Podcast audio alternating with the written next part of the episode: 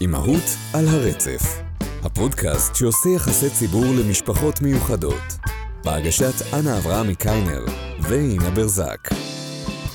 היי אינה, היי אנה. מה שלומנו היום? אה, שלומנו טוב, שלומנו טוב. היום יש לי יום הולדת, והוא עובר יחסית אה, ממש יפה וכיפי, וקיבלתי ברכות וציורים ו...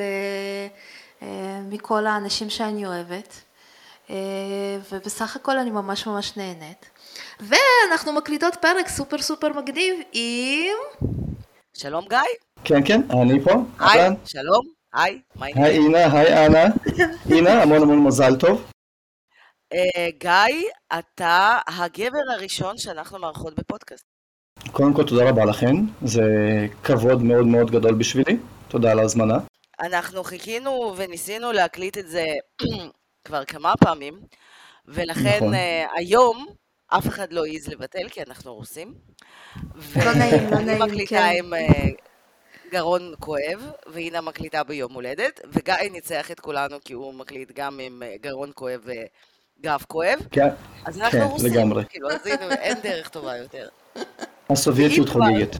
לגמרי. לגמרי. ואם כבר, אז היום, ה- יומן הקפטן, היום השני לאוגוסט 2021, אתמול אה, ישראל זכתה במדליית הזהב הראשונה בתולדותיה, על ידי נציג. הפזורה, מה שנקרא, וכל המדינה, כל המדינה חוגגת על הדבר הזה שהאבא שלו אמר, כלומר, ראיינו את אבא של אה, ארטיום, אה, אני לא אנסה לבטא את השם המשפחה שלו. לדין, לדין של פייסבוק בוא נקרא לזה. כן, כן. אז ראיינו אותו, אמרו לו מה, ואיך אתה מרגיש, והוא התרגש, והוא היה עם תיק על הגב כי הוא היה בדרך לעבודה, כלומר בן אדם אחר היה אולי חושב אה, לקחת יום חופש, או לא יודעת, לחגוג, אבל הוא היה בדרך לעבודה, והוא לא מתכוון לבטל את זה. כל הכבוד האבא של ארצ'ום, אנחנו מבינו- מבינים אותך לגמרי. והוא אמר את המשפט שעכשיו כל המדינה חוגגת עליו, שאומר, זה לא היה התרגיל המושלם. לא. לא. יכל להיות טוב יותר. בדיוק, למה. לא מאה? כן.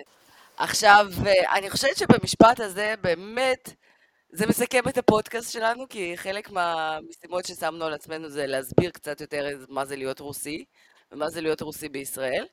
אז זה, אוקיי? זהו, זה נגמר פודקאסט. זה, תיאור מעולה. זהו, כזה, נגמר, זהו. אמ, אז אנחנו מארחות את גיא. גיא הוא איש מדהים ומרגש, אה, שגם אני וגם אינה הרגשנו כמה הוא נהדר. אני הכרתי את גיא כשחיפשתי מטפלים בשביל דוד, ואמרו לי שיש בן אדם שנמצא בערד, שזה בכלל בכלל לא מובן מאליו, לאנשים שגרים בערד, שנמצא ממש מתחת לבית, שעושה טיפול בעזרת בעלי חיים. ודוד מאוד אוהב בעלי חיים, אז ישר רצתי לגיא.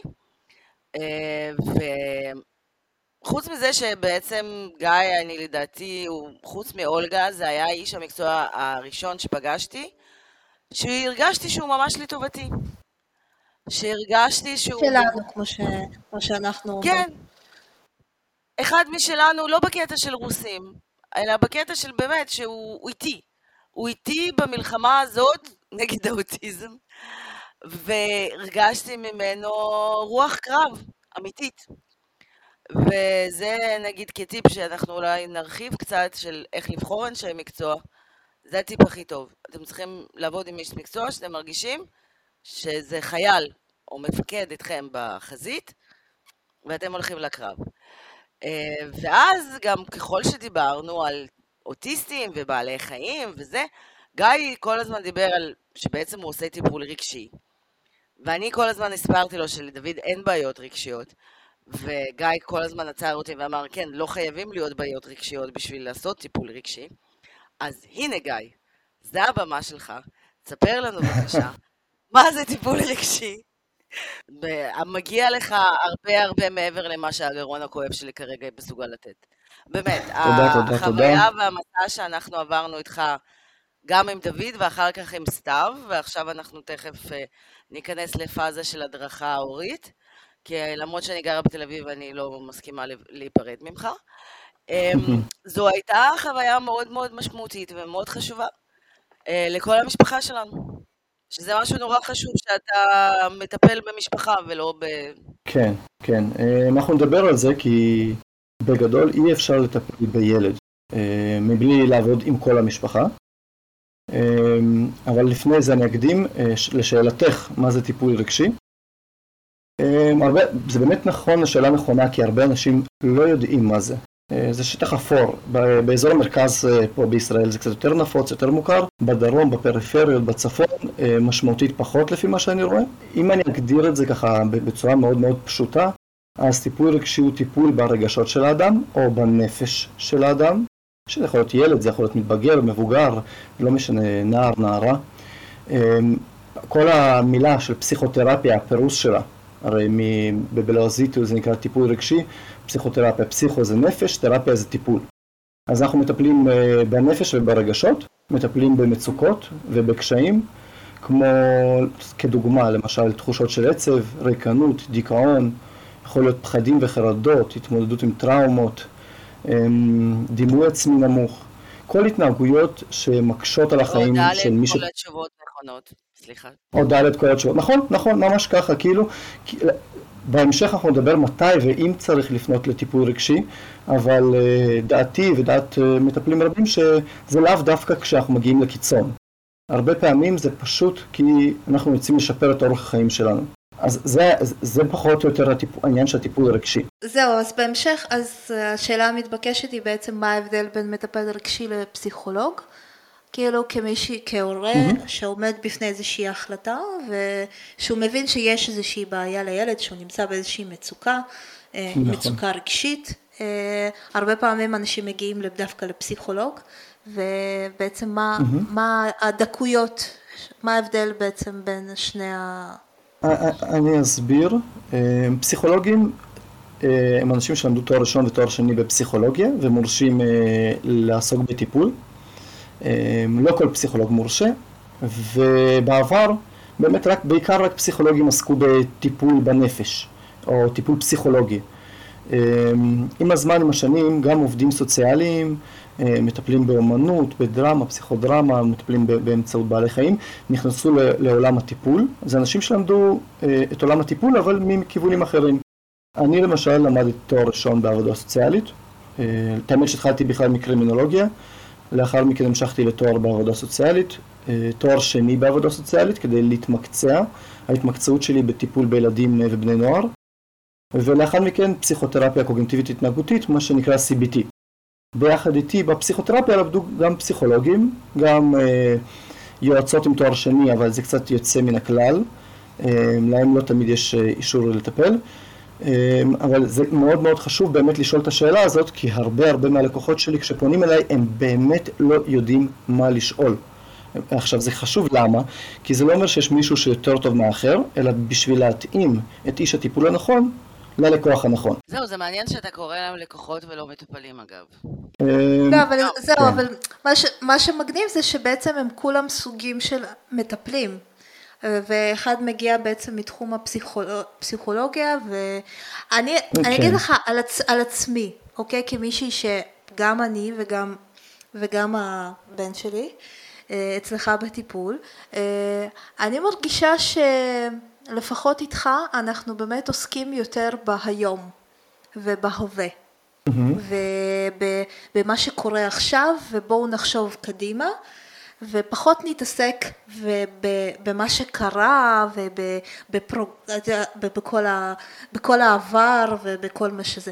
ואיכשהו כשכל mm-hmm. פעם שאני נתקלתי גם אישית וגם עם דורון אצל פסיכולוג היה המון התעסקות בדרמה שסובבה. זאת אומרת, היה הרבה התעסקות ב... יכול להיות שזו איזושהי שיטה אחרת, אבל אה, אני לא יודעת, יכול להיות, שתקן אותי, יכול להיות שזה לא נכון, אבל אני באמת אה, מרגישה שאיתך ספציפית, יכול להיות שבגלל ההתמחות שלך ב-CPT, אנחנו באמת עובדים יותר על כלים עכשוויים, זאת אומרת, מה נעשה מחר, איך נתמודד עם הסיטואציה בשבוע הבא, ולא איך התמודדנו איתה בשבת ולא הצלחנו, זאת אומרת, ולמה לא הצלחנו, כאילו. אנחנו כן נדבר על זה, אבל אנחנו באמת יותר נתמקד בעתיד, מאשר כל הזמן ניגע אה, בדברים ש, שקרו לנו בעבר. לפחות זה מהניסיון נכון, האישי נכון. שלי. אז אה, ככה, ככה אני, אני, אם יש לי קטגוריות בראש בין כל מיני סוגים של מטפלים, זה מה שאני הרגשתי. אבל יכול, אבל תקן אותי, יכול להיות שבעצם זה איזושהי חוויה סובייקטיבית שלי, ו... וספציפית אה, פסיכולוגים ומטפלים, או יכול להיות שזה ה-CBT, זאת אומרת אולי פסיכולוג שבעצם עשה התמחות ב-CBT, הוא כן, זה מה שהוא יעשה, הוא בעצם מתמקד בכלים ומה נעשה שבוע הבא, ולא יותר מה אבא שלך אמר לך בגיל חמש. אה, סתם, כן, זה פחות או יותר ככה, את ממש צודקת, לא, לא, זה לגמרי ככה, את ממש צודקת, זה סביב CBT, כשזה טיפול קוגנטיבי התנהגותי. שהמטרה היא לעבוד, אה, אנחנו צריכים את העבר בשביל לראות את התמונה, מה הביאו אותנו עד היום, ומה קורה במשפחה, בדינמיקה, ביחסים. אה, עיקרי הטיפול הם תמיד סביב יחסים, יחסים בין אישיים. אבל CBT הוא מאוד מאוד מכוון רגשות, מחשבות, התנהגות. בואו נסתכל קדימה איך אנחנו עובדים על זה כדי לשפר את ההווה והעתיד, ופחות קצת פחות באיפה זה פגש אותך בגיל חמש, אמא אמרה ככה, אבא אמר ככה, מעכשיו אני לא יכול לשחרר עוד גיל 67. אמ, אנחנו רגע, פחות מתנגדים בזה. פה, זרקת פה מילה שנגיד לי מאוד קשה, אני גם כאילו עוברת עכשיו איזשהו טיפול, גם ב-CBT, כי אני כרוסייה טובה, הבנתי שזה עובד לי ממש טוב, זה מאוד יעיל, זה מאוד ישים, זה מאוד כאן ועכשיו ויאללה בואו, ולא... ולא נחשוב וכאילו, אתה יודע, נתבכיין על עצמנו ונרחם על עצמנו על הילדות העשוקה שלנו. וזה בעיניי באמת שיטה ממש ממש טובה, אבל um, הקטע של, אני אשמח אם נגיד, שוב, נסביר קצת מה הכוונה של רגשות, מחשבות והתנהגות. כי. נגיד מביאים ילד, אוקיי? שנגיד, במקרה שלי הבאתי אליך שני ילדים. הבאתי את דוד. שהוא גבר מושלם כבר פחות, כן? אבל אז כשהבאתי אותו אליך, הוא כאילו לשמחתי פחות. הוא היה גבר מושלם, הוא לא עשה שום בעיות, הוא זרם, הוא לא עשה טנטרומים, הוא לא רב, הוא לא התווכח, הכל היה סבבה, הוא רק לא דיבר, הוא לא היה איתנו גם. נראה שזאת הסיבה שהוא היה כזה מושלם. מצד שני, הייתה ועדיין עוננה אה, אה, סתיו, שיש לה דעה מגיל יומיים בערך, אולי פחות, ואני אז, תוך כדי שדיברת והסברת לי מה זה טיפול רגשי, הבנתי שמישהו אולי הכי צריך אותך זאת סתיו. כי גם סתיו עברה איתנו תקופה מאוד קשה לאור הזה. אבל אתה יודע, עד כמה שאני מנסה לחשוב על עצמי כבן אדם אה, נאור, היפי, רואה את הילדים שלי ומכבד אותם, כאילו כבר איזה רגשות, כאילו, על איזה רגשות אנחנו הולכים לטפל כשאתה התחלת לטפל בסתיו כשהיית בת ארבע? חמש. לא, לפי דעתי. זה היה חמש? חמש, כן. אתה התחלת לטפל בסתיו כשהיית בת חמש, כאילו, אז זה, בעצם, זה, זה ממש ממש ממש קטן. כלומר, נכון, ואני אסביר. יבוא בן אדם ויגיד, מה זה, מה, מה זה השטויות האלה? מה, ילד בן חמש צריך כאילו... לל... ואז היא הייתה הולכת אליך, נשארת איתך לבד בחדר, ומדברת איתך על הרגשות, שזה היה... ואז היא לא מספרת לי על מה היא דיברה, וגם אתה לא הזכרת. אז... אה, אני אסביר, אני אסביר הכל. כן, אז קודם כל, אה, במקרה שלך זה היה קצת יוצא דופן. אה, בדרך כלל, בדרך כלל, אני לא נוהג לקבל אה, אם יש לקוח, נגיד פונים אליי והמוקד, בדוגמה סתיו, אז בדרך כלל לא הייתי לוקח את דוד, במקרה שלנו זה היה קצת יוצא דופן, כי עם דוד עבדנו ממש על תכנים אחרים, זה היה יותר חשיפה לבעלי חיים, קצת לנסות לייצר איזושהי תקשורת וזה שונה. בגדול טיפול רגשי מתחיל מגיל 6, סתיו בגלל כנראה ככל הנראה, בגלל ההתפתחות הקוגניטיבית שלה, השכלית, היא הרבה יותר בוגרת לגילה, אז עשינו ניסיון וזה צלח. אמ, למה מתחילים מגיל 6? כי את צודקת לגמרי, אנחנו צריכים איזושהי רמה בסיסית של יכולת של ילד לחבר דברים, אה, להבין דברים ולעשות השלכות. כמובן, כמובן העבודה היא תמיד ביחד עם ההורים, במקביל לא מפגש, אני לא זוכר כמה מפגשים, אבל היו לנו שעשינו ביחד אני וסתיו, משותפים. אמ, היא אגב ממש לא רצתה אותי, היה לה כל כך כיף איתך שהייתה נורא מתבאסת כשאני הייתי מגיעה. בוא, בוא, חמודה. אנחנו צריכים כן, גם לשים כן. את. היה לה כל כך כיף אה, להיות איתך ודברים שעשיתם ביחד, שהיא הייתה נורא מתבאסת כשאני הייתי מצטרפת. אז אני חושב שאצל סתיו, אה, אני ככה מאוד נזהר בדבריי, אבל אני חושב שהחלק ההתפתחותי קוגניטיבי שלה הוא הרבה יותר מגילה. הרגשי לגילה, ואז שמה זה הפער הגדול הזה שמקשה עליה, ספציפית על סתיו. ואני רואה את זה דווקא אצל די הרבה ילדים בגילאים האלה. זהו, רציתי להגיד, זה לא כמה שבא לי להגיד בתור אימא, כן, הבת שלי הכי מיוחדת בעולם, אבל אני חושבת שאנחנו יותר ויותר פוגשים ילדים גם מסביבי, שאני מסתכלת ימינה ושמאלה, ומאז שדוד אובחן, אני, כמו כל אימא כמעט, לילד עם אוטיזם, מאבחנת את כל ילד שאני רואה, אז אני גם יכולה לאבחן ולהגיד אל מי מהם צריך לפנות אליך. אבל כי אני באמת, שהילדים כרגע מאוד מאוד חכמים, אבל הרגשות הם אותם רגשות, וזה כאילו... נכון. זה כמו להכניס את איינשטיין לתינוק, לתינוק, זה כמו baby boss כזה, זה כאילו הסרט. זה יש את כל השכל והאינטליגנציה, אבל זה, הם עדיין לובשים חיתול ומתנהגים אליהם כמו לתינוקות, וזה נורא מעצבן. לגמרי. והרבה פעמים זה גם מבלבל את ההורים, כי כאילו מצד אחד באיזושהי שיחה כזאת אנחנו מסתכלים על הילדים שלנו ואנחנו אומרים וואו, כאילו אנחנו מדברים בגובה העיניים, אה, הם מבינים הכל, ושנייה אחרי זה הם יכולים לצרוח, לצעוק, ליפול על הרצפה, אה, לזרוק דברים, ומשם נובע לפעמים גם התסכול של אוקיי, שנייה, אבל לפני שנייה היית בוגרת, מה קורה פה? נכון, אה, נכון, נכון. כן.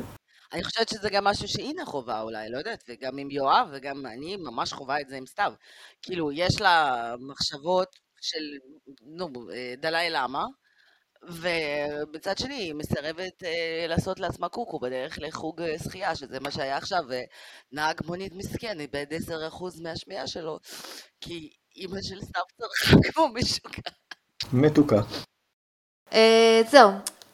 אז עם דורון נכון, יש אצל דורון תמיד דיסוננס רגשי חברתי למול דיסוננס קוגנטיבי. היום אה, הוא, בנוסף לכל הדיסוננס הזה התווספו גם הורמונים של גיל ההתבגרות. אז אה, בדיוק עכשיו חזרנו משיעור אנגלית שהמורה פרגנה לו ואמרה לו וואו איזה יופי כל הכבוד ואני התמלאתי גאווה ו... וככה צעדתי איתו והכל היה טוב ויפה. ו- וזהו ובסוף אה, כל הדבר הזה התמסמס באוטו כי הוא החליט ש... ש... שפעמיים בשבוע זה יותר מדי בשבילו, כי אז הוא לא יוכל לראות את החברים שלו והוא לא מוכן אה, להסכים לתאם איתם פגישה, ו, וזה כל זה נהפך לאיזשהו תסכול, ושנגמר במשפט את לא מבינה אותי ואת הורסת לי את החיים, ו, וזה היה ממש... מזל טוב, מזל כן, טוב, מזל כן, טוב כן. כפול. כן, וכל מיני... כן, וזהו. אבל, אבל אני ממש תקשרתי לו ואני אמרתי לו שאת כל ספקטרום הרגשות שהרגשתי, החל מעצובה, כועסת, עצבנית, נפגעת, ממש ככה. מעולה. ואז הוא באמת, הוא, כשהגענו הביתה הוא התנצל. אז uh, בסך הכל אני מאוד מאוד זה. טוב, סליחה, אה, אתם לא הולכים לנצל את הפרק הזה כאילו... רגע, אז זהו, אז אה, כהמשך לסיפור הזה, אז בואו נספר לכולם מה אנחנו בעצם, מה עושים בטיפול רגשי עם ילדים על הספקטרום. בעצם כן. על מה עובדים, איך מקדמים אותם, ובעצם איך זה... כאילו, איך שהם מוצגים לעולם, זה אין להם רגשות. כאילו, הם לא מביעים רגשות, הם לא מתעניינים ברגשות. נכון, אבל אני חושבת שזה אחד הדברים שבאמת צריך לדבר עליהם ולהבין עד כמה זה הפוך בעצם. מה שנקרא, נכון. בשביל זה אנחנו פה. גיא. אני, כן, אני חושב שכשאנחנו מדברים על אוכלוסייה של הרצף האוטיסטי, ואני אישית עובד אה, עם ילדים בני נוער בתפקוד גבוה, אה, אין לי מומחיות לעבוד בתפקוד בינוני נמוך. וגם בתפקוד גבוה היה לי מאוד חשוב ללכת ללמוד אה, למשל ABA ולקרוא וללמוד על התחום כדי לדעת איך אני ניגש בצורה אחרת לטיפול הרגשי. זה לא טיפול רגשי קלאסי וסטנדרטי כמו שעוסקים. אה, בכללי בטיפול CBT דיברנו על מחשבות, רגשות, התנהגות, שזה טיפול קוגניטיבי התנהגותי. חשוב מאוד אה, לבנות מטרות טיפוליות. ו... ממש ככה ללכת מטרה-מטרה, לראות איך אנחנו מתקדמים, מתרחקים, עומדים במקום, ועם ילדים על הרצף אה, זה טיפ-טיפה שונה. אה, קודם כל, אני אתחיל מדבר בסיסי, שזה הדבר לפי דעתי הכי חשוב בכל טיפול רגשי ever, לא משנה אם זה טיפול דינמי, CBT, אה, באומנות, בדרמה, פסיכודרמה, בעלי חיים, או לתופף בכוסות רוח, זה הקשר הטיפולי, כי ללא הקשר הטיפולי מאוד מאוד קשה להתקדם. כלומר, תדמיינו לעצמכם, ילד או ילדה מגיעים לבן אדם זר לגמרי, ואנחנו כהורים טובים מלמדים אותם הרבה שנים לא לדבר עם זרים, וטוב שכך, ואז אנחנו מביאים, ובוא תדבר על הדברים הכי כמוסים, הכי חשובים, הכי כאלה שהם עצמם אפילו לא יכולים להשמיע בקול לעצמם, ובואו נפתח את זה. אמ, טיפול CBT קלאסי פחות מתמקד בקשר, הם כאילו מתמקדים בקשר אבל הם עושים את זה תוך כדי הטיפול. אני משלב, אה, אני משלב בעלי חיים בטיפול, כמו שאתם יודעות, מאוד חשוב לי. אמ, אני משלב CBT, אני משלב תחום שנקרא ביו-פידבק, אה, כמה שיותר אה, כיוונים, כלים טיפוליים, אז לפי דעתי זה יותר טוב. זה גם מאוד עוזר לי כשאני עובד עם ילדים שהם אובחנו על הרצף האוטיסטי. אז רגע, בוא, בוא, בוא תיתן איזה חמש מילים על ביו-פידבק, רק כי רוב האנשים שמקשיבים לא יודעים מה זה. כי זה אחד הדברים הכי מגניבים, כאילו, ever. כן, אני מאוד אוהב את זה. ביו-פידבק זה משוב שהמחשב נותן לנו, זה הגיע בכלל מעולם הרפואה והטכנולוגיה. אמ, הוכח, אני מאמין שלפני כל כך הרבה שנים, שזה עוד מגיע מהמסורות, מהמסורות אה, מהודו ומדיטציות וכדומה, שנשימה שרפתית אה, עוזרת לנו לוויסות רגשי, מפעילה את עצב הווגוס, שזה העצב הטועה, מפעיל שני, שני מערכות, אה, סימפתטית ופרסימפתטית, מפעיל את הפרסימפתטית המרגיעה, ועוזר לוויסות רגשי. תמיד היו אומרים לנו כילדים, תנשום כשאתה כועס, לא אמרו איך. וזה לא כל, לא כל נשימה היא נכונה, צריך לנשום מהשרעפת, ואז זה באמת עובד, וצריך להתאמן על זה, כי אם לא מתאמנים על זה, זה לא עובד, זה כמו חדר כושר. בנוסף, יש את החלק של דמיון מודרך. אמ, אנחנו כמבוגרים, אנחנו יודעים טוב מאוד שהמוח שלנו, הקוגניציה שלנו, הרי בסופו של יום היא משפיעה על הכל. אמ, מישהו אחד אה, פרשנות, אנחנו קוראים לזה. מישהו אחד ייתן פרשנות אחת, מישהו אחר אה, פרשנות אחרת, ואז הרגשות, אה, אצל אחד זה כעס ואצל השני זה שמחה. אז עד כמה זה חשוב, ואז ביו-פידבק זה מין מכשיר כזה שמחברים לאצבעות, ואז מראים, זה עובד באמצעות תוכנה. שמראה לילדים, החלק, חלק אחד זה החלק של ההזעה בכפות ידיים, שהזעה בכפות ידיים זה, זה סביב רגשות, זה הזעה רגשית, לא כמו שאר הגוף, לקרר את הגוף, אלא ממש כשה, ככל שהעוצמות יותר גבוהות, ככה יותר מזיעים, התוכנה קולטת את זה, והדבר השני הוא מדבר על קוהרנטיות אה, דופק לב, ובפועל אני מסביר את זה לילדים בצורה מאוד פשוטה, כמו גז וברקס באוטו, ובואו עכשיו אני אלמד אתכם כל מיני טריקים כמו נשימות, כמו דמיון מודרך, כמו לעצום עיניים, כמו שיטת שלושת או חמשת הדברים, הרפיות ג'ייקובסון, איך אנחנו ממש אה, לוקחים את הגוף שלנו ושולטים בו ובמוח, וזה עוד כלי ב... בחדר הטיפול. זה, יש אותו בקופות חולים, זה יכול להיות סשן בפני עצמו ל-stress management. עם ילדים אני משלב את זה ממש כ... עוד אה, משהו שייתן להם את היכולת של המסוגלות. אני מסוגל, אני מסוגל, הם רואים את זה על ידי משחק, ממש אם הם נושמים נכון, המכונית נוסעת, אם לא, המכונית עוצרת, המסך נהיה שחור. אז זה כן, אני נכשלתי בזה, אני זוכר שסתיו, כאילו, אני, אני זוכרת שסתיו נרצחה בזה, ואני נכשלתי, כי גם הקטע שם שכשאתה רגוע ואתה מתחיל להתקדם, אז אצלי, או נכנס אדרינלין, כי אני רוצה לנצח, ואז זה עוצר, כי אתה... ואז יש מכוניות אחרות, ואני חוטפת עצבים, וכאילו גיליתי שיש לי ממש אנגר, כאילו אישיס, בדבר הזה. כן, זה, כן. זה מדהים, זה באמת פשוט כלי מאוד מאוד מאוד מרשים, ולא, לא, לדעתי לא מספיק אנשים משתמשים בו, נגיד אני יודעת שיש את זה לגמרי, לגמרי. מכבי טבעי, והאיש שם יושב עצוב ובודד, כי כולם הולכים למסאז'.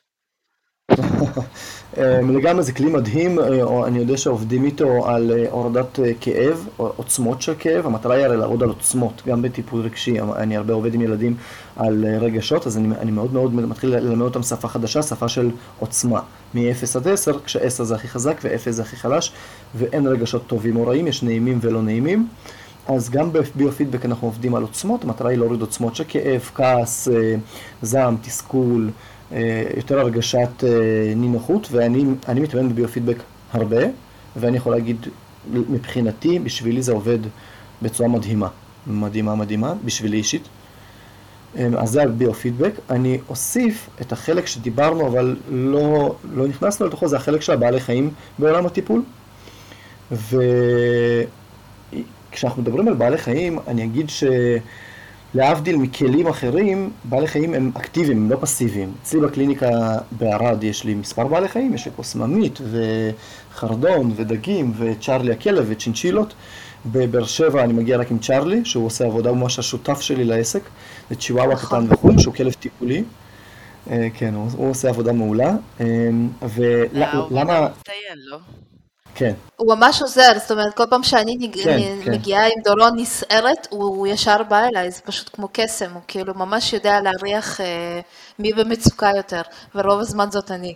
אז כמו שאת, כמו שאת נכשלת בביו-פידבק, אז אני מגיעה כל הזמן ביותר מצוקה מדורון, את שקופה לכלב. ממש. אוסיף, אני אוסיף לגבי בעלי חיים, שהרי למה בעלי חיים, במיוחד אם אנחנו מתמקדים באוכלוסייה שפונים אליי של ילדים על רצף, אז אמ, בעלי, קודם כל התקשורת אצל בעלי חיים היא שונה, ולפעמים היא מזכירה לי איפשהו, אמ, כאילו הם לא ורבליים הרי, והם המון acting out, המון התנהגותי. אמ, או ללכת הצידה, צ'ארלי יכול ללכת הצידה ולהיות מפגש שלם על הכיסא שלו, נגיד, אה, ולהיות בצד, או כל הזמן להיות על, ה- על הידיים, פשוט מבלי לדבר, להיות שם, להיות נוכח. ואחד מהדברים שמאוד עוצמתיים, כשיש ב- משלבים בעלי חיים בטיפול, שבעלי חיים הם לא שופטים אותנו. לא משנה מה קרה באותו היום, הם מגיעים, הם רואים את צ'ארלי, הוא שמח לראות אותם. אה, הם לא נהנים שופטים ממגע. אותך, יש חתולים ששופטים אותך ועוד איך. זאת הסיבה שאני אף פעם לא אהיה. חתולים קצת יותר אה, אה, נרקיסיסטים, נקרא לזה ככה. אה, ובעלי חיים הם באמת נהנים ממגע בדרך כלל, אה, וגם מעניקים בחזרה. צ'ארלי יכול לשבת וללקק אה, ילד בפנים במשך חצי שעה, אם אותו ילד מתחבר, ואם הוא מרגיש לא בנוח, אז ממש רואים איך צ'ארלי לא יעשה את זה. הוא גם לא יבוא וישב לידו, אם אה, אותו ילד נרתע ממנו חזק. עוד פעם, זה מאוד תלוי בנקודה, אבל הם באמת נהנים ממגע. ואז אפשר, הם מאפשרים ללמוד, לתקשר גם ללא מגע אם, אנחנו, אם, אם ילד לא רוצה. כלומר, אה, סתם לדוגמה, צ'ינצ'ילות פה בקליניקה, אנחנו בדרך כלל פחות, אנחנו רק מאכילים אותם, ולפעמים פשוט צופים בהם בהתנהלות שלהם ביום-יום, יש להם כלוב ענק, ואז זה מפתח המון אה, מחשבות ושיח. אה, כמו שאמרתי, בעלי חיים לא זקוקים לתקשורת ורבלית. אפשר לתקשר ללא מילים, אני יכול לעשות לצ'ארלי כזה עם האצבעות, והוא ייגש אליי, הוא יתרחק. אמ, אז זה עוזר ממש להכיר את שפת הגוף, את התנועות, אה, את האנרגיות. הרי בעלי חיים בסופו של יום מתקשרים בטבע באמצעות אנרגיות.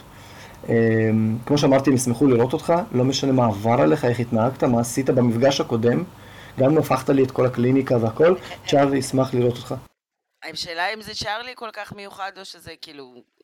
אתה הבאת אותו אני- להיות כל כך מיוחד, או, אה, או שזה נכון לכל הבעלי חיים. נגיד, אני פעם רכבתי על סוסים, עד ששברתי לעצמי את הגב, ו... לא, לא בגלל, זה היה, קרה יותר בגלל הייטק ועקיבים, אבל זה השפיע על סוסים. אבל היה, הייתי באיזה טרק בבולגריה, והיה לי שם שוס, סוס, שוואלה, הוא הבין אותי יותר טוב מכל אחד. הוא הבין אותי אפילו יותר טוב מאינה, ואינה מבינה אותי הכי טוב בעולם. זה הייתה כאילו, באמת. אהבה. היה, היה, היה שם קשר, או שגם כשאתה לומד אה, לדהור, אתה צריך לבקש, כאילו, אם אתה עושה את זה נכון ועם מה שנקרא צער בעלי חיים, ולא מתוך מקום כוחני. אתה מבקש לדהור מתוך המוח. אתה אומר לסוס, מתוך המוח שלך, אתה משדר לו, אני רוצה להתחיל לדהור. ואז, ורק אז, כי כאילו, תכלס, אתה לא באמת יכול נכון. להתחיל. לגמרי תקשורת. ו... אז זהו, בהקשר לחיות, אני, עד שדורון בעצם התחיל באמת לתקשר, אני הייתי מקנאה, גם בכלבות וגם בחתולים, כי איתם הוא היה ישן, והיה מחבק אותם, והיה שמח תמיד לראות אותם, בהשוואה לאימא שלו שבאה לאסוף אותם מהגן, הוא אפילו לא מסתכל עליי. ו- ובגלל שהיה לנו תמיד לפחות במינימום היה לנו לפחות שלוש או ארבע אחיות בבית, אז, אה, וגם אצל חמותי שהוא היה נמצא שם הרבה, אה, באמת היה יוצר קשר מאוד מאוד עמוק עם חיות, ואני חושבת שזה בדיוק על זה אתם מדברים, זאת אומרת, יש שם איזושהי, איזשהו קשר שהוא מעבר לקשר ורבלי. הוא קשר שהוא לגמרי מקבל ומכיל, שאנחנו כהורים, לוקח לנו המון זמן ללמוד, לי לפחות, אוקיי? סליחה, לא משליכה. בטח יש המון הורים שלקח להם פחות. אבל לי לקח המון זמן להגיע למקום הזה של באמת ההכלה ובאמת להסתכל על זה בצורה, בצורה גדולה יותר ופחות שיפוטית גם כלפי עצמי, גם כלפי הילד. והחיבור של דורון לחיות הוא תמיד היה מדהים. ו... ותמיד באיזשהו מקום, כן, הייתי מסתכלת על זה, וכן, זה מגניב, אבל הייתי קצת מקנאה, כי אה, אה, גם היום הוא לא באמת אה, נותן לי כל כך הרבה תשומת לב כמו שהוא נותן לחיות, אבל עדיין, כאילו, השתפרנו. וזה באמת, יש... אני חושבת שזה... גם אותה הוא יאהב יותר. אז אני באמת חושבת שזה באמת יושב על זה, שזה ממש ממש מגניב. אה, זה אומר שנגיד ההורים שמקשיבים לנו, זה אומר שהם צריכים ללכת ולאמץ חיות? לא. זה גם הנושא שאני ואתה דיברנו עליו. נכון, אז אני בדרך כלל אומר להורים כאלה, חכו, אל תמהרו לאמץ חיות. זה יכול להיות מדהים ונחמד, אבל יש פה הרבה אבל. כי הורים שפונים לטיפול, יש פה הרבה סוגיות, אה, גם אצל הילדים וגם אצל ההורים עצמם, כמו שאמרתי בתחילת הפודקאסט, היא, אני, גם אני, אבל בכללי רוב או כל המטפלים אה, בילדים לא נוהגים לעבוד רק עם הילדים. זה אפילו על כמה וכמה, זה עניין של אני יכול לעבוד רק עם הורים ותהיה תוצאה מעולה, או עם הורים וילדים ותהיה תוצאה טובה, מעולה, אבל אם אני עובד רק עם הילדים והסביבה, תחשבו עד כמה זה יכול להיות מתסכל לילד שהוא צריך הרי בסופו של דבר מה אנחנו סוג של מבקשים סלש דורשים סלש מצפים מהם אה, לעשות שינוי. אוקיי, ללמוד דברים חדשים, אבל מאחורי זה יושב שינוי. והסביבה של אותו ילד או ילדה לא משתנה בכלל, ואז זה עוול כפול. כלומר, גם קשה להם מאוד, וגם הסביבה שלהם נשארת אותו דבר, ואז אוקיי, אה, ואז אנחנו גם עוד איפשהו כועסים עליהם, או מתוסכלים, ממקום כנה ומובן כ- כהורה. כי אנחנו רוצים שיהיה טוב לילדים שלנו, אבל אנחנו מתוסכלים שאנחנו לא רואים איזשהו שינוי גרנדיוזי והכל. ושם זה מאוד מאוד חשוב. דרך אגב, לשיחתנו על פגישה, איך בוחרים מטפל, ומה חשוב לדבר בפגישה הטיפולית הראשונה, אמ, זה אחד מהם, זה התיאום ציפיות ולהגדיר עם ההורים עבודה משותפת. צוות. אני, ההורים והילד שלהם, או הילדה, הנער, הנערה, אנחנו צוות. הם המומחים לילד שלהם, אני מביא את החלק הטיפולי, את הכלים הטיפוליים, ואנחנו ביחד עובדים. עם ההורים אה, באים בסוג של גישה מוסתרת וחבויה, וחלילה, אני לא בא ממקום שיפוטי או ביקורתי, אבל קחו תתקנו לי את הילד, זה לא יעבוד. טיפול רגשי לא יצליח. אף פעם. כלומר, זה לא, זה קצת כמו להגיד שאם נגיד לילד יש עודף אה, משקל, אז הוא לא יכול להיות היחידי שבדיאטה וכל השאר ממשיכים לדחות נכון. במבות ושוקולדים. תיאור מעולה ואני אני אשתמש בו. זה דורש איזשהו שינוי משפחתי כולם, כולם נכון. צריכים להתגייס לזה. נכון, ואם יש הורים שלא רוצים, בוא נדבר קצת על אוריסטים, אוריסטים זה כאילו הורה לאוטיסט. כאילו קשה כן. לנו, גיא, אתה יודע, כאילו, החיים שלנו לא פשוטים. אה, יהיה קשה לחיות עם הילד, קשה עם המסגרות, קשה עם ה... אה, לא יודעת, עם הרישויות, עם הזה, ובכלל, אתה יודע, מדינת ישראל, לא שווייץ. קשה לנו. ואז אה, כן. ממליצים לך על איזשהו מטפל נחמד, עם בעלי חיים, והוא כולו מגניב כזה, ועם קעקועים וזה. ואתה בא, ואתה אומר, בבקשה, הנה, קח, מצאתי לך את המוסך הכי טוב. בבקשה, בבקשה, בבקשה, קח. תתקשר אליי כשאני אבוא לאסוף אותו, באמת. כמו כן. שאני זוכרת שהלכתי לסדנה להפסקת עישון, והיה שם מישהו שאמר לי, אם את תבטיחי לי שאני אוכל לעשן שתי סיגריות ביום, כל סכום שתגידי לי אני אביא לך. מיליון דולר, אני אלך להרוויח מיליון דולר, ואני אביא לך מיליון דולר. אותו דבר. תגיד לי שאתה תפתור אותו בלי שאני אצטרך לעשות משהו בנוגע לזה. כל סכום. כל סכום. כן, כן. כל סכום גם מעיד על גודל הקושי והתסכול. אה, זה נאמר כמובן בהומור, אבל אה, אני לגמרי אה, מבין מהחלק שלי כהורה, יש לי תאומים, בני ארבע וחצי, הבן שלי עם עיכוב התפתחותי מגיל קטן, ככל הנראה הוא לא אובחן עדיין, אבל לפי דעתי בגלל שאני מאובחן עם בעיות קשב וריכוז, אני די רואה עליו גם, בעיות קשב וריכוז זה משהו שדי נפוץ לעבור בגנטיקה. אה, אני רואה אותו היפר, הוא לא ישן לנו שנתיים, אה, כאילו כשאני מתכוון לא ישן זה שנתיים ללא שינה, לא לילות על גבי לילות. כלל. אני אה, זוכרת שהיינו נפגשים, אני זוכרת שהיינו נפגשים והיית נראה על הפנים, ובכל זאת היית הבן אדם הכי נחמד שפגשתי. תודה לא רבה. כן, אז, אז מהמקום שלי כהורה אני מתחבר, שלהיות הורה זה קשה, במיוחד במיוחד במדינת ישראל זה מאוד קשה. אה, על כמה וכמה כשמתווספים לזה כל מיני אה, מאפיינים נוספים, כמו הרצף האוטיסטי, כמו בעיות קשב וריכוז, כמו קושי בוויסות רגשי, קושי בוויסות חושי, כל מיני מושגים כאלה שהם הרבה פעמים גם הולכים ביחד. אה, זה נקרא קומורבידיות, זה בא, מגיע ביחד, הרבה פעמים לילדים אה, על הרצף, שאובחנו על הרצף, יכולים להיות גם אה, אה, בעיות בקשב וריכוז, בעיות בוויסות אה, חושי, רגשי, בכללי כל העניין הזה, אה, כל ההבחנה של. הרצף. עוד פעם? בצ'רנובל, אחרי, אחרי צ'רנובל, כן? אז כן. כשהיו מאבחנים אותך בדרך כלל, זה לא היה.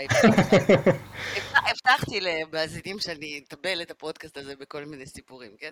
כלומר, אף פעם לא כן. אובחנת רק עם סרטן אחד, זה בדרך כלל היה עם כמה, או עם כשל כן. של איזשהו איבר.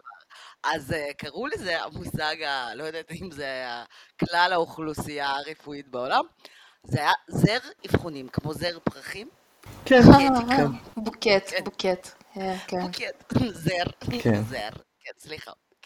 אה, אז בדיוק, אז זה מגיע עם איזשהו זר כזה שאנחנו כהורים לפעמים פשוט אה, נואשים.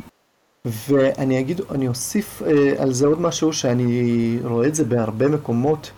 פונים אליי אה, לקוחות וככה אנחנו, אני קודם כל בשיחת טלפונית אני מאוד מנסה להבין אה, סביב מה השיח ככה, אה, ואז אני מזמין אותם לפגישה ראשונה ככה שיכירו אותי, אני משתף אותם על ההשכלה שלי, על הניסיון שלי, עם מה אני עובד, עם מה אני פחות עובד, איזה ניסיון יש לי, כמה שנים ניסיון. כל הדברים האלה ההורים אמורים לשאול, אני כאיש טיפול מספר את זה בעצמי מראש, כי זה מאוד מאוד חשוב. אה, מהם הכלים הטיפוליים, כלומר, שירות זה הקליניקה. מקובל לשאול איפה למדת, מה למדת, ולא להתבייש. זה חובה, חובה, חובה, חובה לשאול את כל השאלות הללו. תרגישו בנוח. אם איזשהו מטפל או מטפלת לא ירגישו בנוח לענות לכם על זה, אני חושב שעדיף לחפש מטפל או מטפלת אחרים. כי... כן, כן, כי בסופו של דבר הכל יושב על דינמיקה. אתם מגיעים לקליניקה, אתם רואים בן אדם ואתם הולכים להשאיר בידיים שלו וגם לה- להסתמך בעצמכם עליו. הם, הם באזורים הכי, הכי, הכי אישיים שיש לכם כרגע בחיים, וזה הילדים שלכם. אז כמובן, כמובן, זה חשוב מאוד לשאול את כל השאלות האלה, לראות את הקליניקה, להרגיש בדינמיקה, בפגישה הראשונה, אם אתם מרגישים שזה לא זה, זה בסדר להגיד, תקשיב, אנחנו נבדוק אה, משהו אחר. אה, אני הרבה פעמים אפילו מציע לאותם הורים, בואו, אה, במידה ולא, אני גם אומר להם, במידה ותרגישו שזה לא עובד ביני לביניכם או לילד שלכם, בואו אני ככה אחפש המלצות באזור שלכם, משהו שיכול לעזור, אולי לשלב עם רכיבה טיפולית, אולי טיפול בעזרת כלבים, אה, מטפל אחר, מטפלת, יש סוגי מצבים שבהם אולי באמת כדאי מטפל שתהיה אישה, אם זה, אנחנו מדברים על נגיד נערות בגיל ההתבגרות, אולי נערים בגיל ההתבגרות, אולי עדיף גבר, אולי עדיף אישה, מאוד מאוד תלוי בסוגיה שבה אנחנו מתמקדים. אז כמובן חשוב להתמקד בכל זה.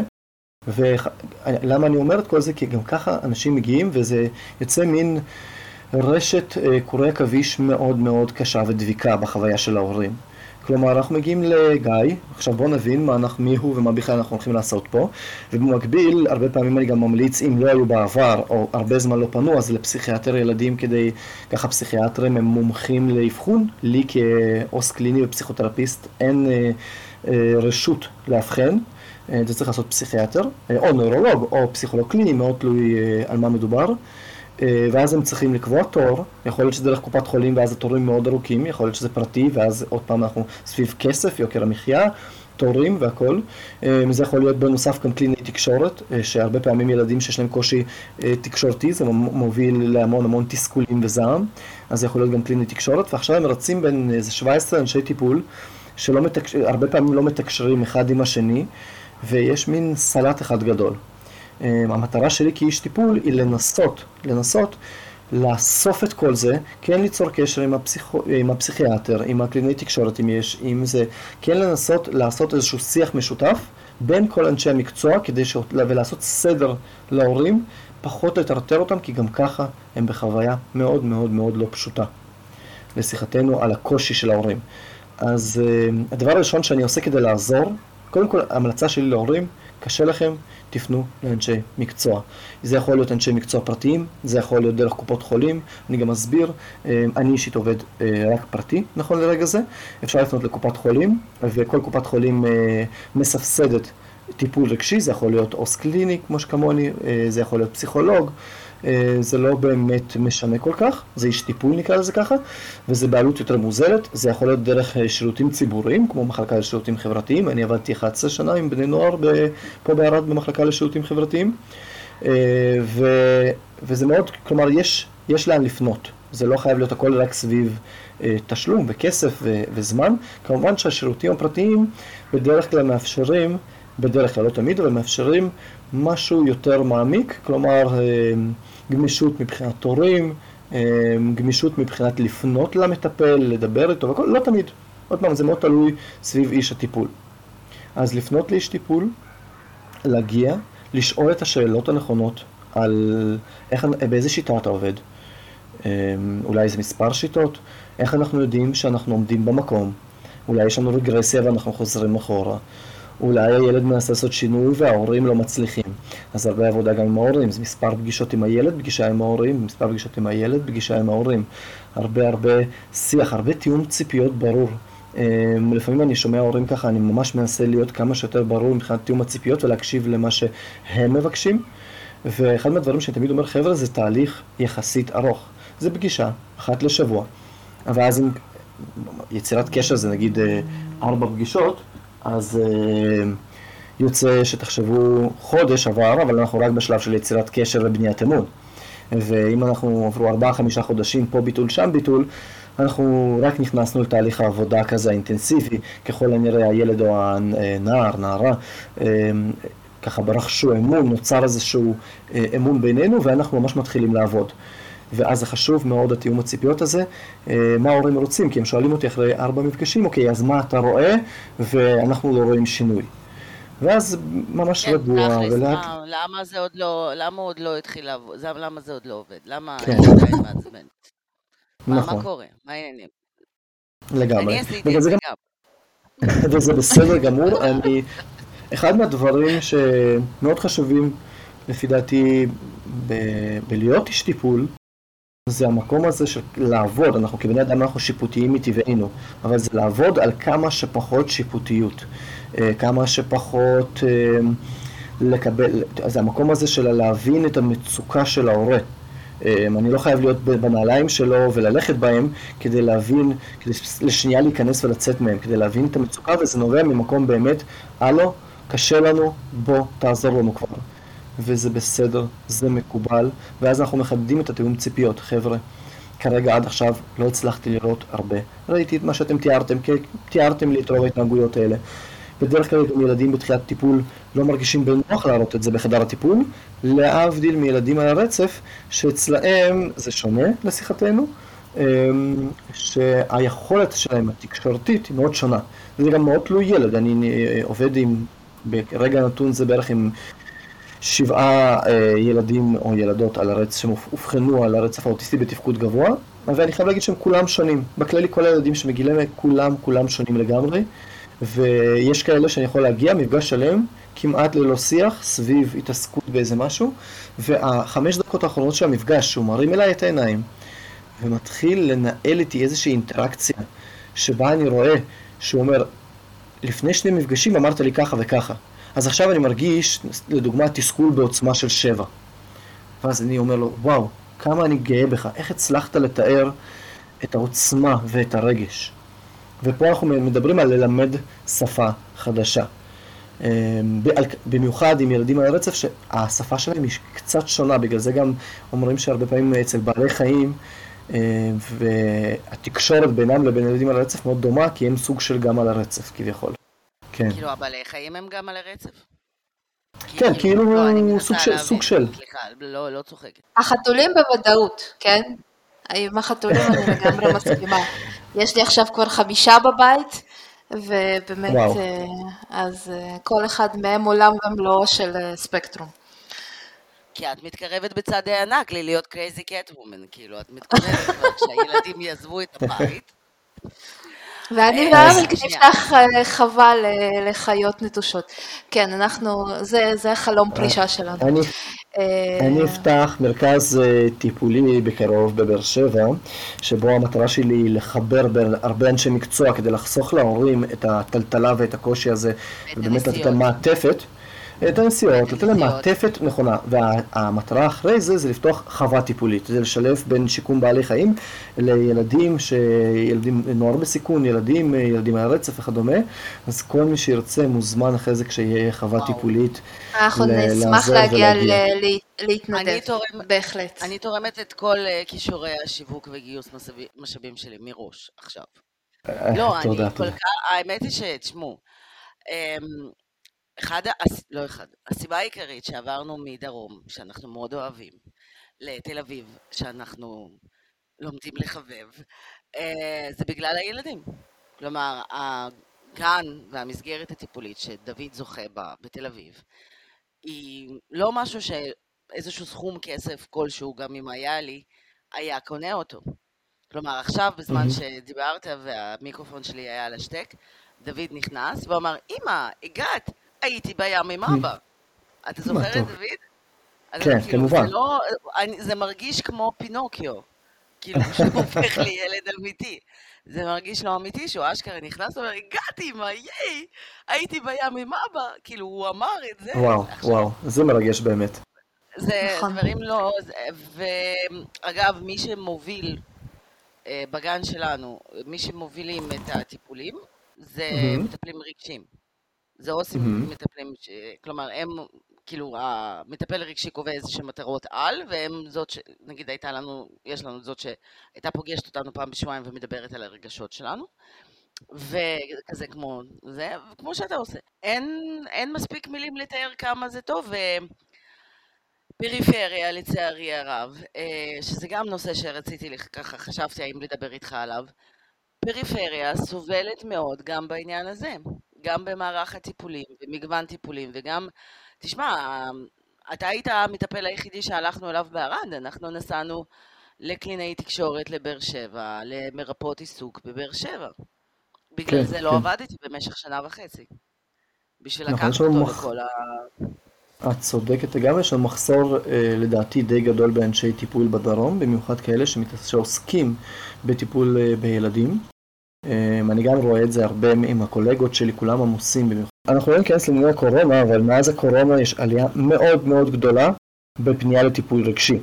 אה, ובדרום יש מחסור מאוד מאוד גדול באנשי טיפול, אז השילוב של שניהם גורם לקושי מטורף. אני רואה שההורים מתקשרים אליי אה, ואני לא עובד כל הימים בשבוע, ספציפית בקליניקה, אני עובד גם במרכזים מסוימים, מרכז הורים בדימונה ובקליניקה בבאר שבע ובעוד כמה מקומות, ופשוט אין לי, אין לי את היכולת לעזור להם. אה, אני מחפש בשבילם, מנסה לעזור להם אה, ולגייס עוד אה, אנשי מקצוע ככה ש... לעבוד איתם בשיתוף פעולה כדי באמת למצוא איזשהו פתרון לאותם הורים. אז כן, אנחנו בדרום אה, יש לנו קושי עם העניין הזה. אבל עם מה שיש ננצח, סליחה באמת, כאילו בואי אנה, תורידי לכולם, כל מי שגר בדרום לא, לגמרי, כאילו את? החשק לא, וזה. לא, תני לנו- תני קשור? לנו להרגיש רע, הנה אני היה רוסייה פולנית, תני לנו להרגיש רע עם עצמנו שאנחנו נשארים בדרום עם לא, מה הילדים? שלנו ולא. רוצים בשבילם יותר טוב, סתם. אה, לא, טוב, אז... אני- אה, הכוונה היא, לא, הכוונה היא כן... אני לעלות, יודעת, לא, אנה, אני יודעת. סליחה, אני. ואת שמנו לעצמנו מטרה, אנחנו מדברות על הכל בצורה מכובדת ויפה. מה נכון. לעשות, זאת. האמת שלי. אני לא אומרת שאין מטפלים, אני לא אומרת שילדים לא מתקדמים. הנה, דורון עשה התקדמות שהלוואי על כולנו שיש ילדים ב, בתל אביב שזה לא יקרה להם, לצערי הרב. זה לא קשור. אני רק אומרת שיש מק... שהמקום שגיא רוצה לב- לבנות הוא מקום, מה שנקרא, נחוץ ונדרש. בהחלט, אה, מחוץ ונדרש. אה, זהו, אני רוצה לקראת סוף הפרק, אה, שגיא ייתן לנו איזה שלושה חמישה טיפים לשרוד את אוגוסט. אז את אוגוסט, הוא... כן, כן, כי הנה הילדים שלי כבר עושים, דופקים בדלת של המשרד הסגורה, וגם גיא צריך עוד רבע שעה להיות בבית לילדים שלו, בדיוק, זה לא אז בייביסיטר לילדים שלך. נכון, נכון, את צודקת, לא זה- לא נחשב. את צודקת, לא משלמים אני... לך על זה. חבל. אמ, היום נכון, אני נכון. אה, נשאר בערב עם בן ואווה, ואשתי ככה תצא. עם חברות, קצת ככה לבלות וזה, אז לשיחתנו. יש כמה טיפים... אה, הנה, אתה רואה איזה, איזה פרסום משולב אתה מקבל גם בתור איש, גם בתור איש מקצוע וגם בתור אה, בעל, כאילו עכשיו זהו, עכשיו כמו שזה הבחור הזה מחתונה ממבט ראשון, כולם מופיעים עליך עכשיו. אני חייב להגיד, יש לי אישה מדהימה, מדהימה מדהימה, ובלעדיה אני באמת לא הייתי מגיע לחצי ממה שהגעתי אליו.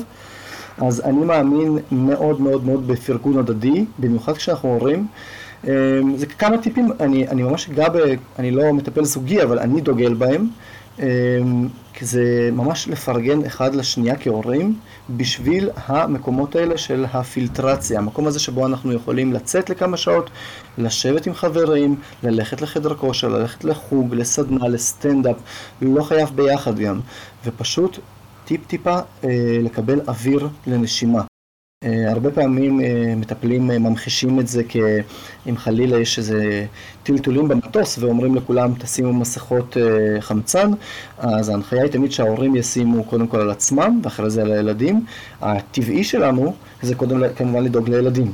אז למה הם אומרים קודם כל תשימו על עצמכם? כי אם ההורה יאבד הכרה, אף אחד כבר לא ישים, באמצע שהוא שם את המסכה לילד, אף אחד כבר לא ידאג לילד. אנחנו חייבים שיהיה לנו כוחות חמצן.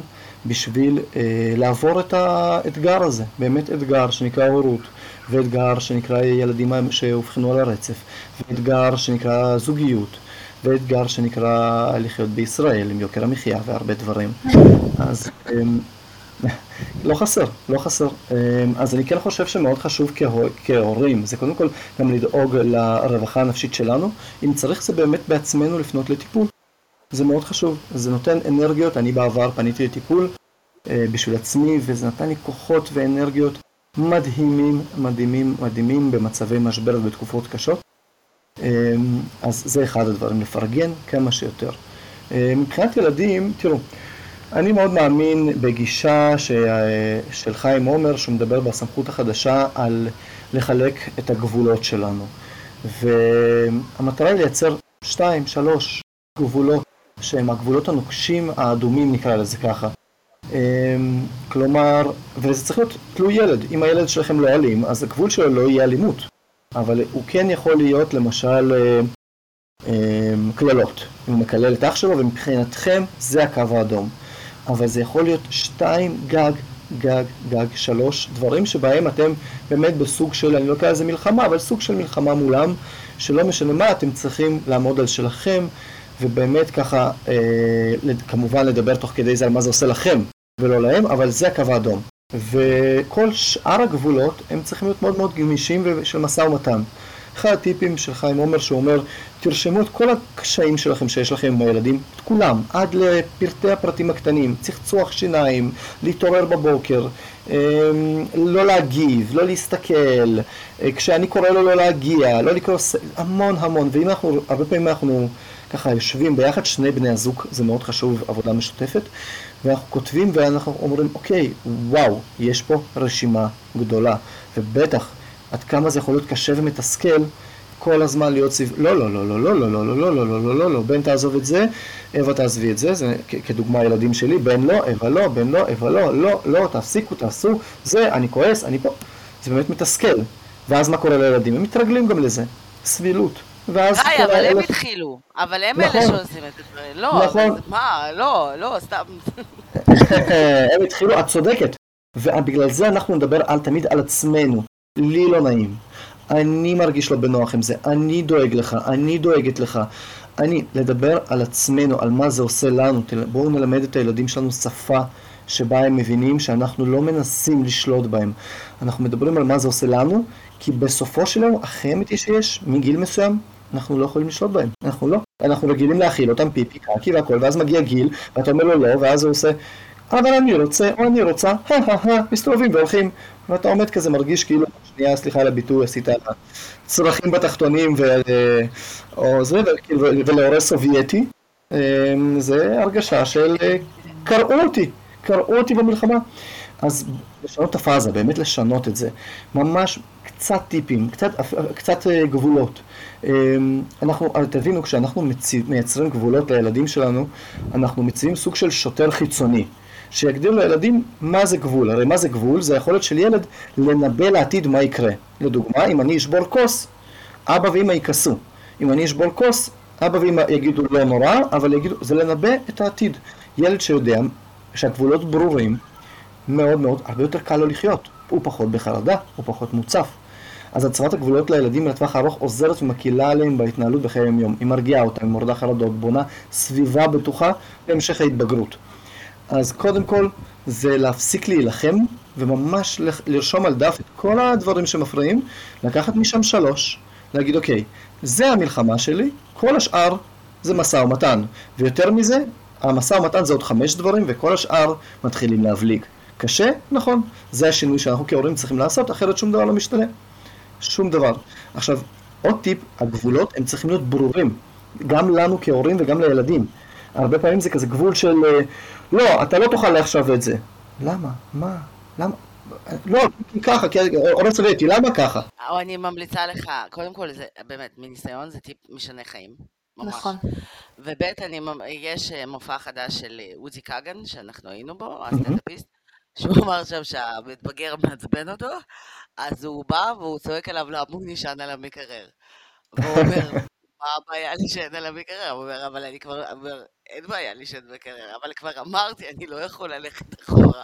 אז הוא מתחיל להמציא דברים תוך כדי, אז הוא מתחיל לצעוק, זה מקרר, ושמים בו אוכל. אתה תהיה גדול, תעשה מקרר, תישן עליו. ואז בערב הוא צריך להסביר לאשתו מה אסור לעשות, כי פתאום אה, אשתו נכנסת ונשענת על המקרר והילד אומר, למה את עושה את זה? אבל זה אסור. בקיצור, כן. נכון, זה הגבולות לפי דעתי המיותרים האלה. זה הגבול, הוא צריך להיות גבול אה, שהוא ברור, וגם אנחנו כהורים לא מתקשים לעמוד בו, כי אם אנחנו לא עקביים, אז למה לייצר את הגבול הזה? אנחנו לא יכולים, אנחנו לא... חודש אין לך טאבלט.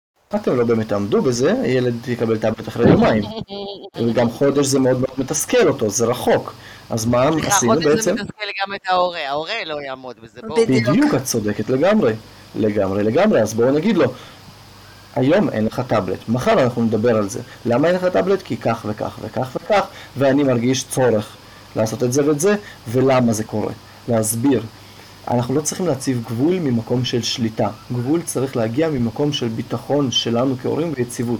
ברגע שאנחנו מתחילים מלחמה של שליטה, תבינו, אנחנו רוב הסיכויים, סליחה, אנחנו רוב הסיכויים נאבד את זה, כי אה, מערכת העצבים של הילדים יותר חזקה. הם אה, משתקמים, זה הרגע הזה שהוא לפני שנייה צרח בחרה והכל, שנייה אחרי זה הוא מבסוט על המגלצ'ות. ועכשיו הכל סבבה. ואנחנו בטראומה, אנחנו... כוס יין או משהו יותר מזה. נכון, רק לשחרר את זה. מכניסים את הראש לתוך המקרר לאכול את העוגה, כן, נכון. לגמרי, לגמרי. ככה הם מנצחים אותנו. ככה הם מנצחים אותנו. כן, כן.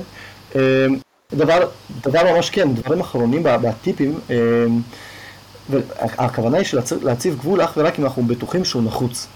ואני כמטפל בדרך כלל ממליץ להורים, תעשו בדק בית. תקבעו שתיים עד שלוש גבולות, שזה הקו האדום, עליהם אתם מוכנים להילחם, לא משנה מה, חשוב שתתמידו, כל המשפחה בוחרת את הגבול הזה ביחד, כלומר ההורים, יכול להיות האחים הגדולים והכל, וכל שאר הגבולות יכולים להיות עניין של משא ומתן. ככל שזה, אתם תיישמו את זה יותר, תהיו יותר עקביים, אתם תשרדו את אוגוסט ברמה סבירה. סבירה פלוס. כלומר, אתה לא, לא, לא מבטיח איזושהי הצלחה אדירה, זאת אומרת, בסופו כאילו, לא יודעת, חודש פחות עם אצל הפסיכולוג, זה הכי טוב שאני יכול להציע. וכמובן לעזור באנשי מקצוע, אם צריך. נכון. אמ, טוב, גיא, תשמע, אין לי מספיק מילים להודות לך. נכון, זה היה מדהים, מדהים, מדהים, באמת. בכיף. המון המון תודות לכן, אתן מדהימות. Uh, הפודקאסט הזה מדהים, אני כן uh, מקשיב לו, אני בכללי בן אדם של פודקאסטים, אני מאוד אוהב, uh, ויש לכם פודקאסט מדהים. אה, באמת הקשבת? אני הקשבתי לחלק מהפרקים כמובן, אני, גם לפרק הראשון בזמנו כשרק התחלתם, אה, אפילו ככה שיתפתי לכמה אנשים והמלצתי עליו לאנשים שמתמודדים עם קשיים כאלה ואחרים שדומים למה שאתם מדברות עליו, אה, וזה, וזה נושא שהוא כל כך, כל כך חשוב וכל כך קשה ומורכב, אתם אלופות, אלופות, אני מודה לכן על זה. אוי, איזה כיף, ממש היה לנו כיף, וסוף סוף אני כל כך שמחה שזה קרה. ו... וזהו, ואנחנו נשחרר אותך לזה. לדרכך, בסדר. ותודה רבה, אתה תודה רבה. נהדר, נהדר, נהדר. ממש ממש. תודה לכם, שיהיה ערב מדהים. נגענו ככה ממש על קצה המזלג בכל דבר, אבל בעתיד, אם צריך, אני גם, את יודעת, יכול להרחיב על כל תחום כזה או אחר, אז המון המון תודות, ערב מדהים, ואני מקווה שאנחנו נתראה בקרוב. אוגוסט שקט. זהו, אנחנו מתראים כן, ביום. שישי, אז אנחנו בהחלט נתראה בקרוב. נכון. לא, ואני ואתה צריכים לחזור ולקבוע מתי כן. אנחנו מתחילים את הטיפול. המשפטי שלנו. לגמרי. יופי, אני טוב. ממש לא מטפלת טובה. תודה, גיא. הנה, תודה לכם. אני- וואו, איזה פרק, איזה כיף. איזה- איזה בן אדם מגניב, אימא'לה. וואי, אני חבל על. הזמן. אני פשוט חולה לא, עליו. פשוט, לא, וזה גם היה כל כך מועיל, וזה היה... כן, לא, לגמרי. אינפורמטיבי, אבל נגיש. אני מקווה שכולם יחשבו גם ככה. אמ, דיר באלק אם אתם לא חושבים ככה. אז... אני- לא, לא, זה היה מדהים ונפלא, וזה גם פתח כל כך, זה עשה סדר במה זה טיפול נכון. בחיות, ומה זה ביו-פידבק, ומה זה טיפול רגשי, ומה ההבדל בין טיפול רגשי לטיפול פסיכולוגי.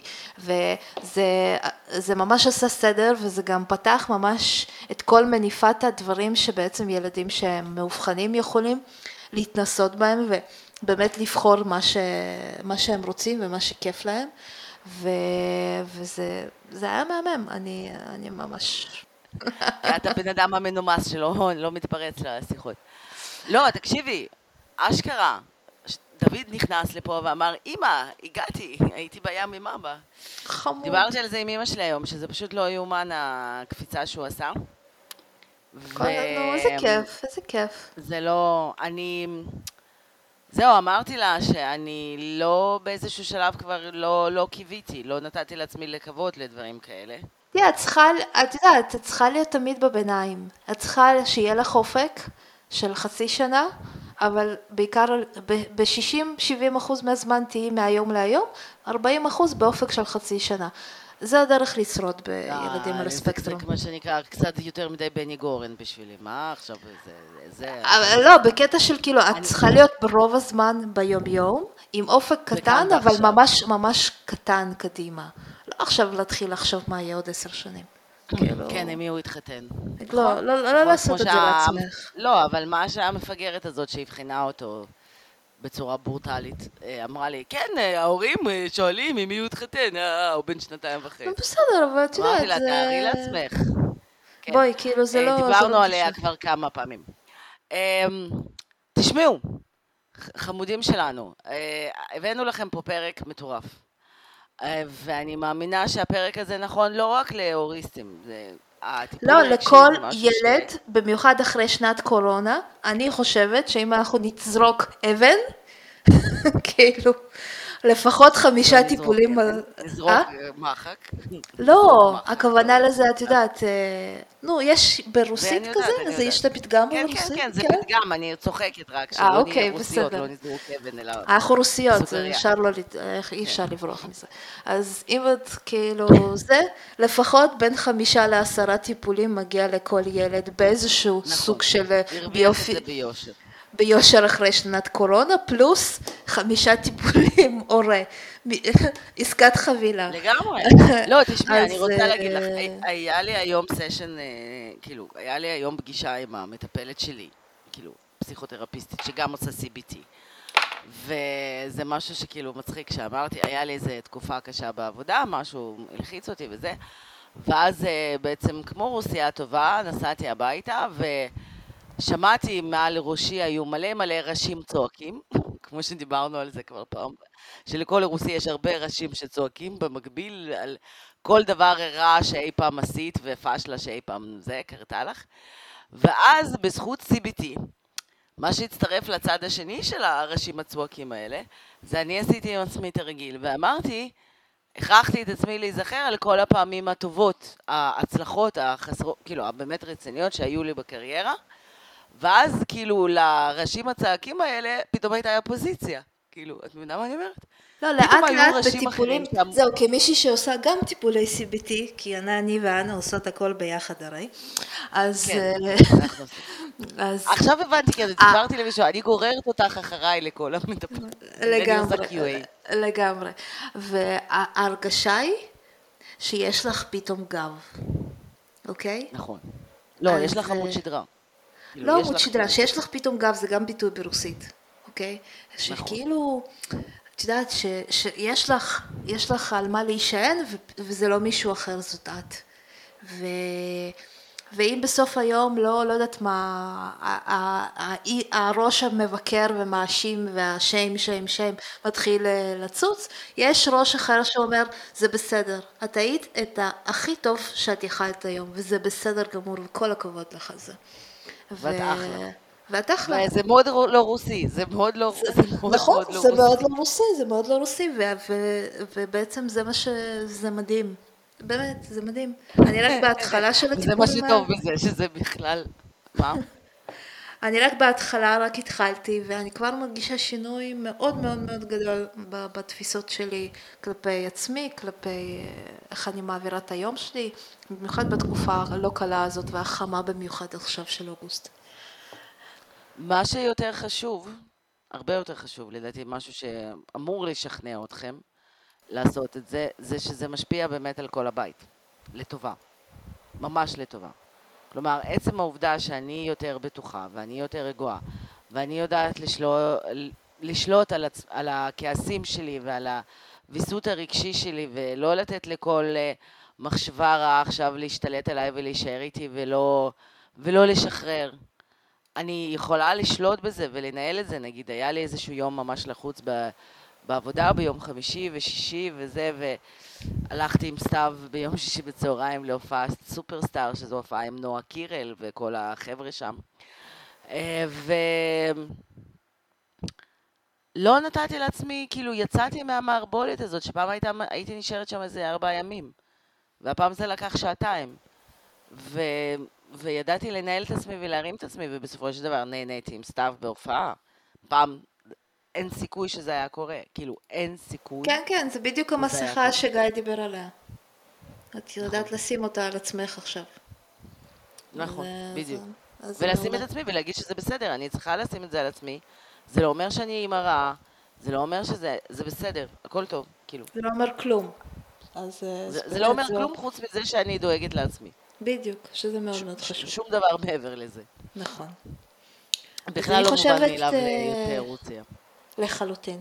אני חושבת שנסיים להיום, כן, כן.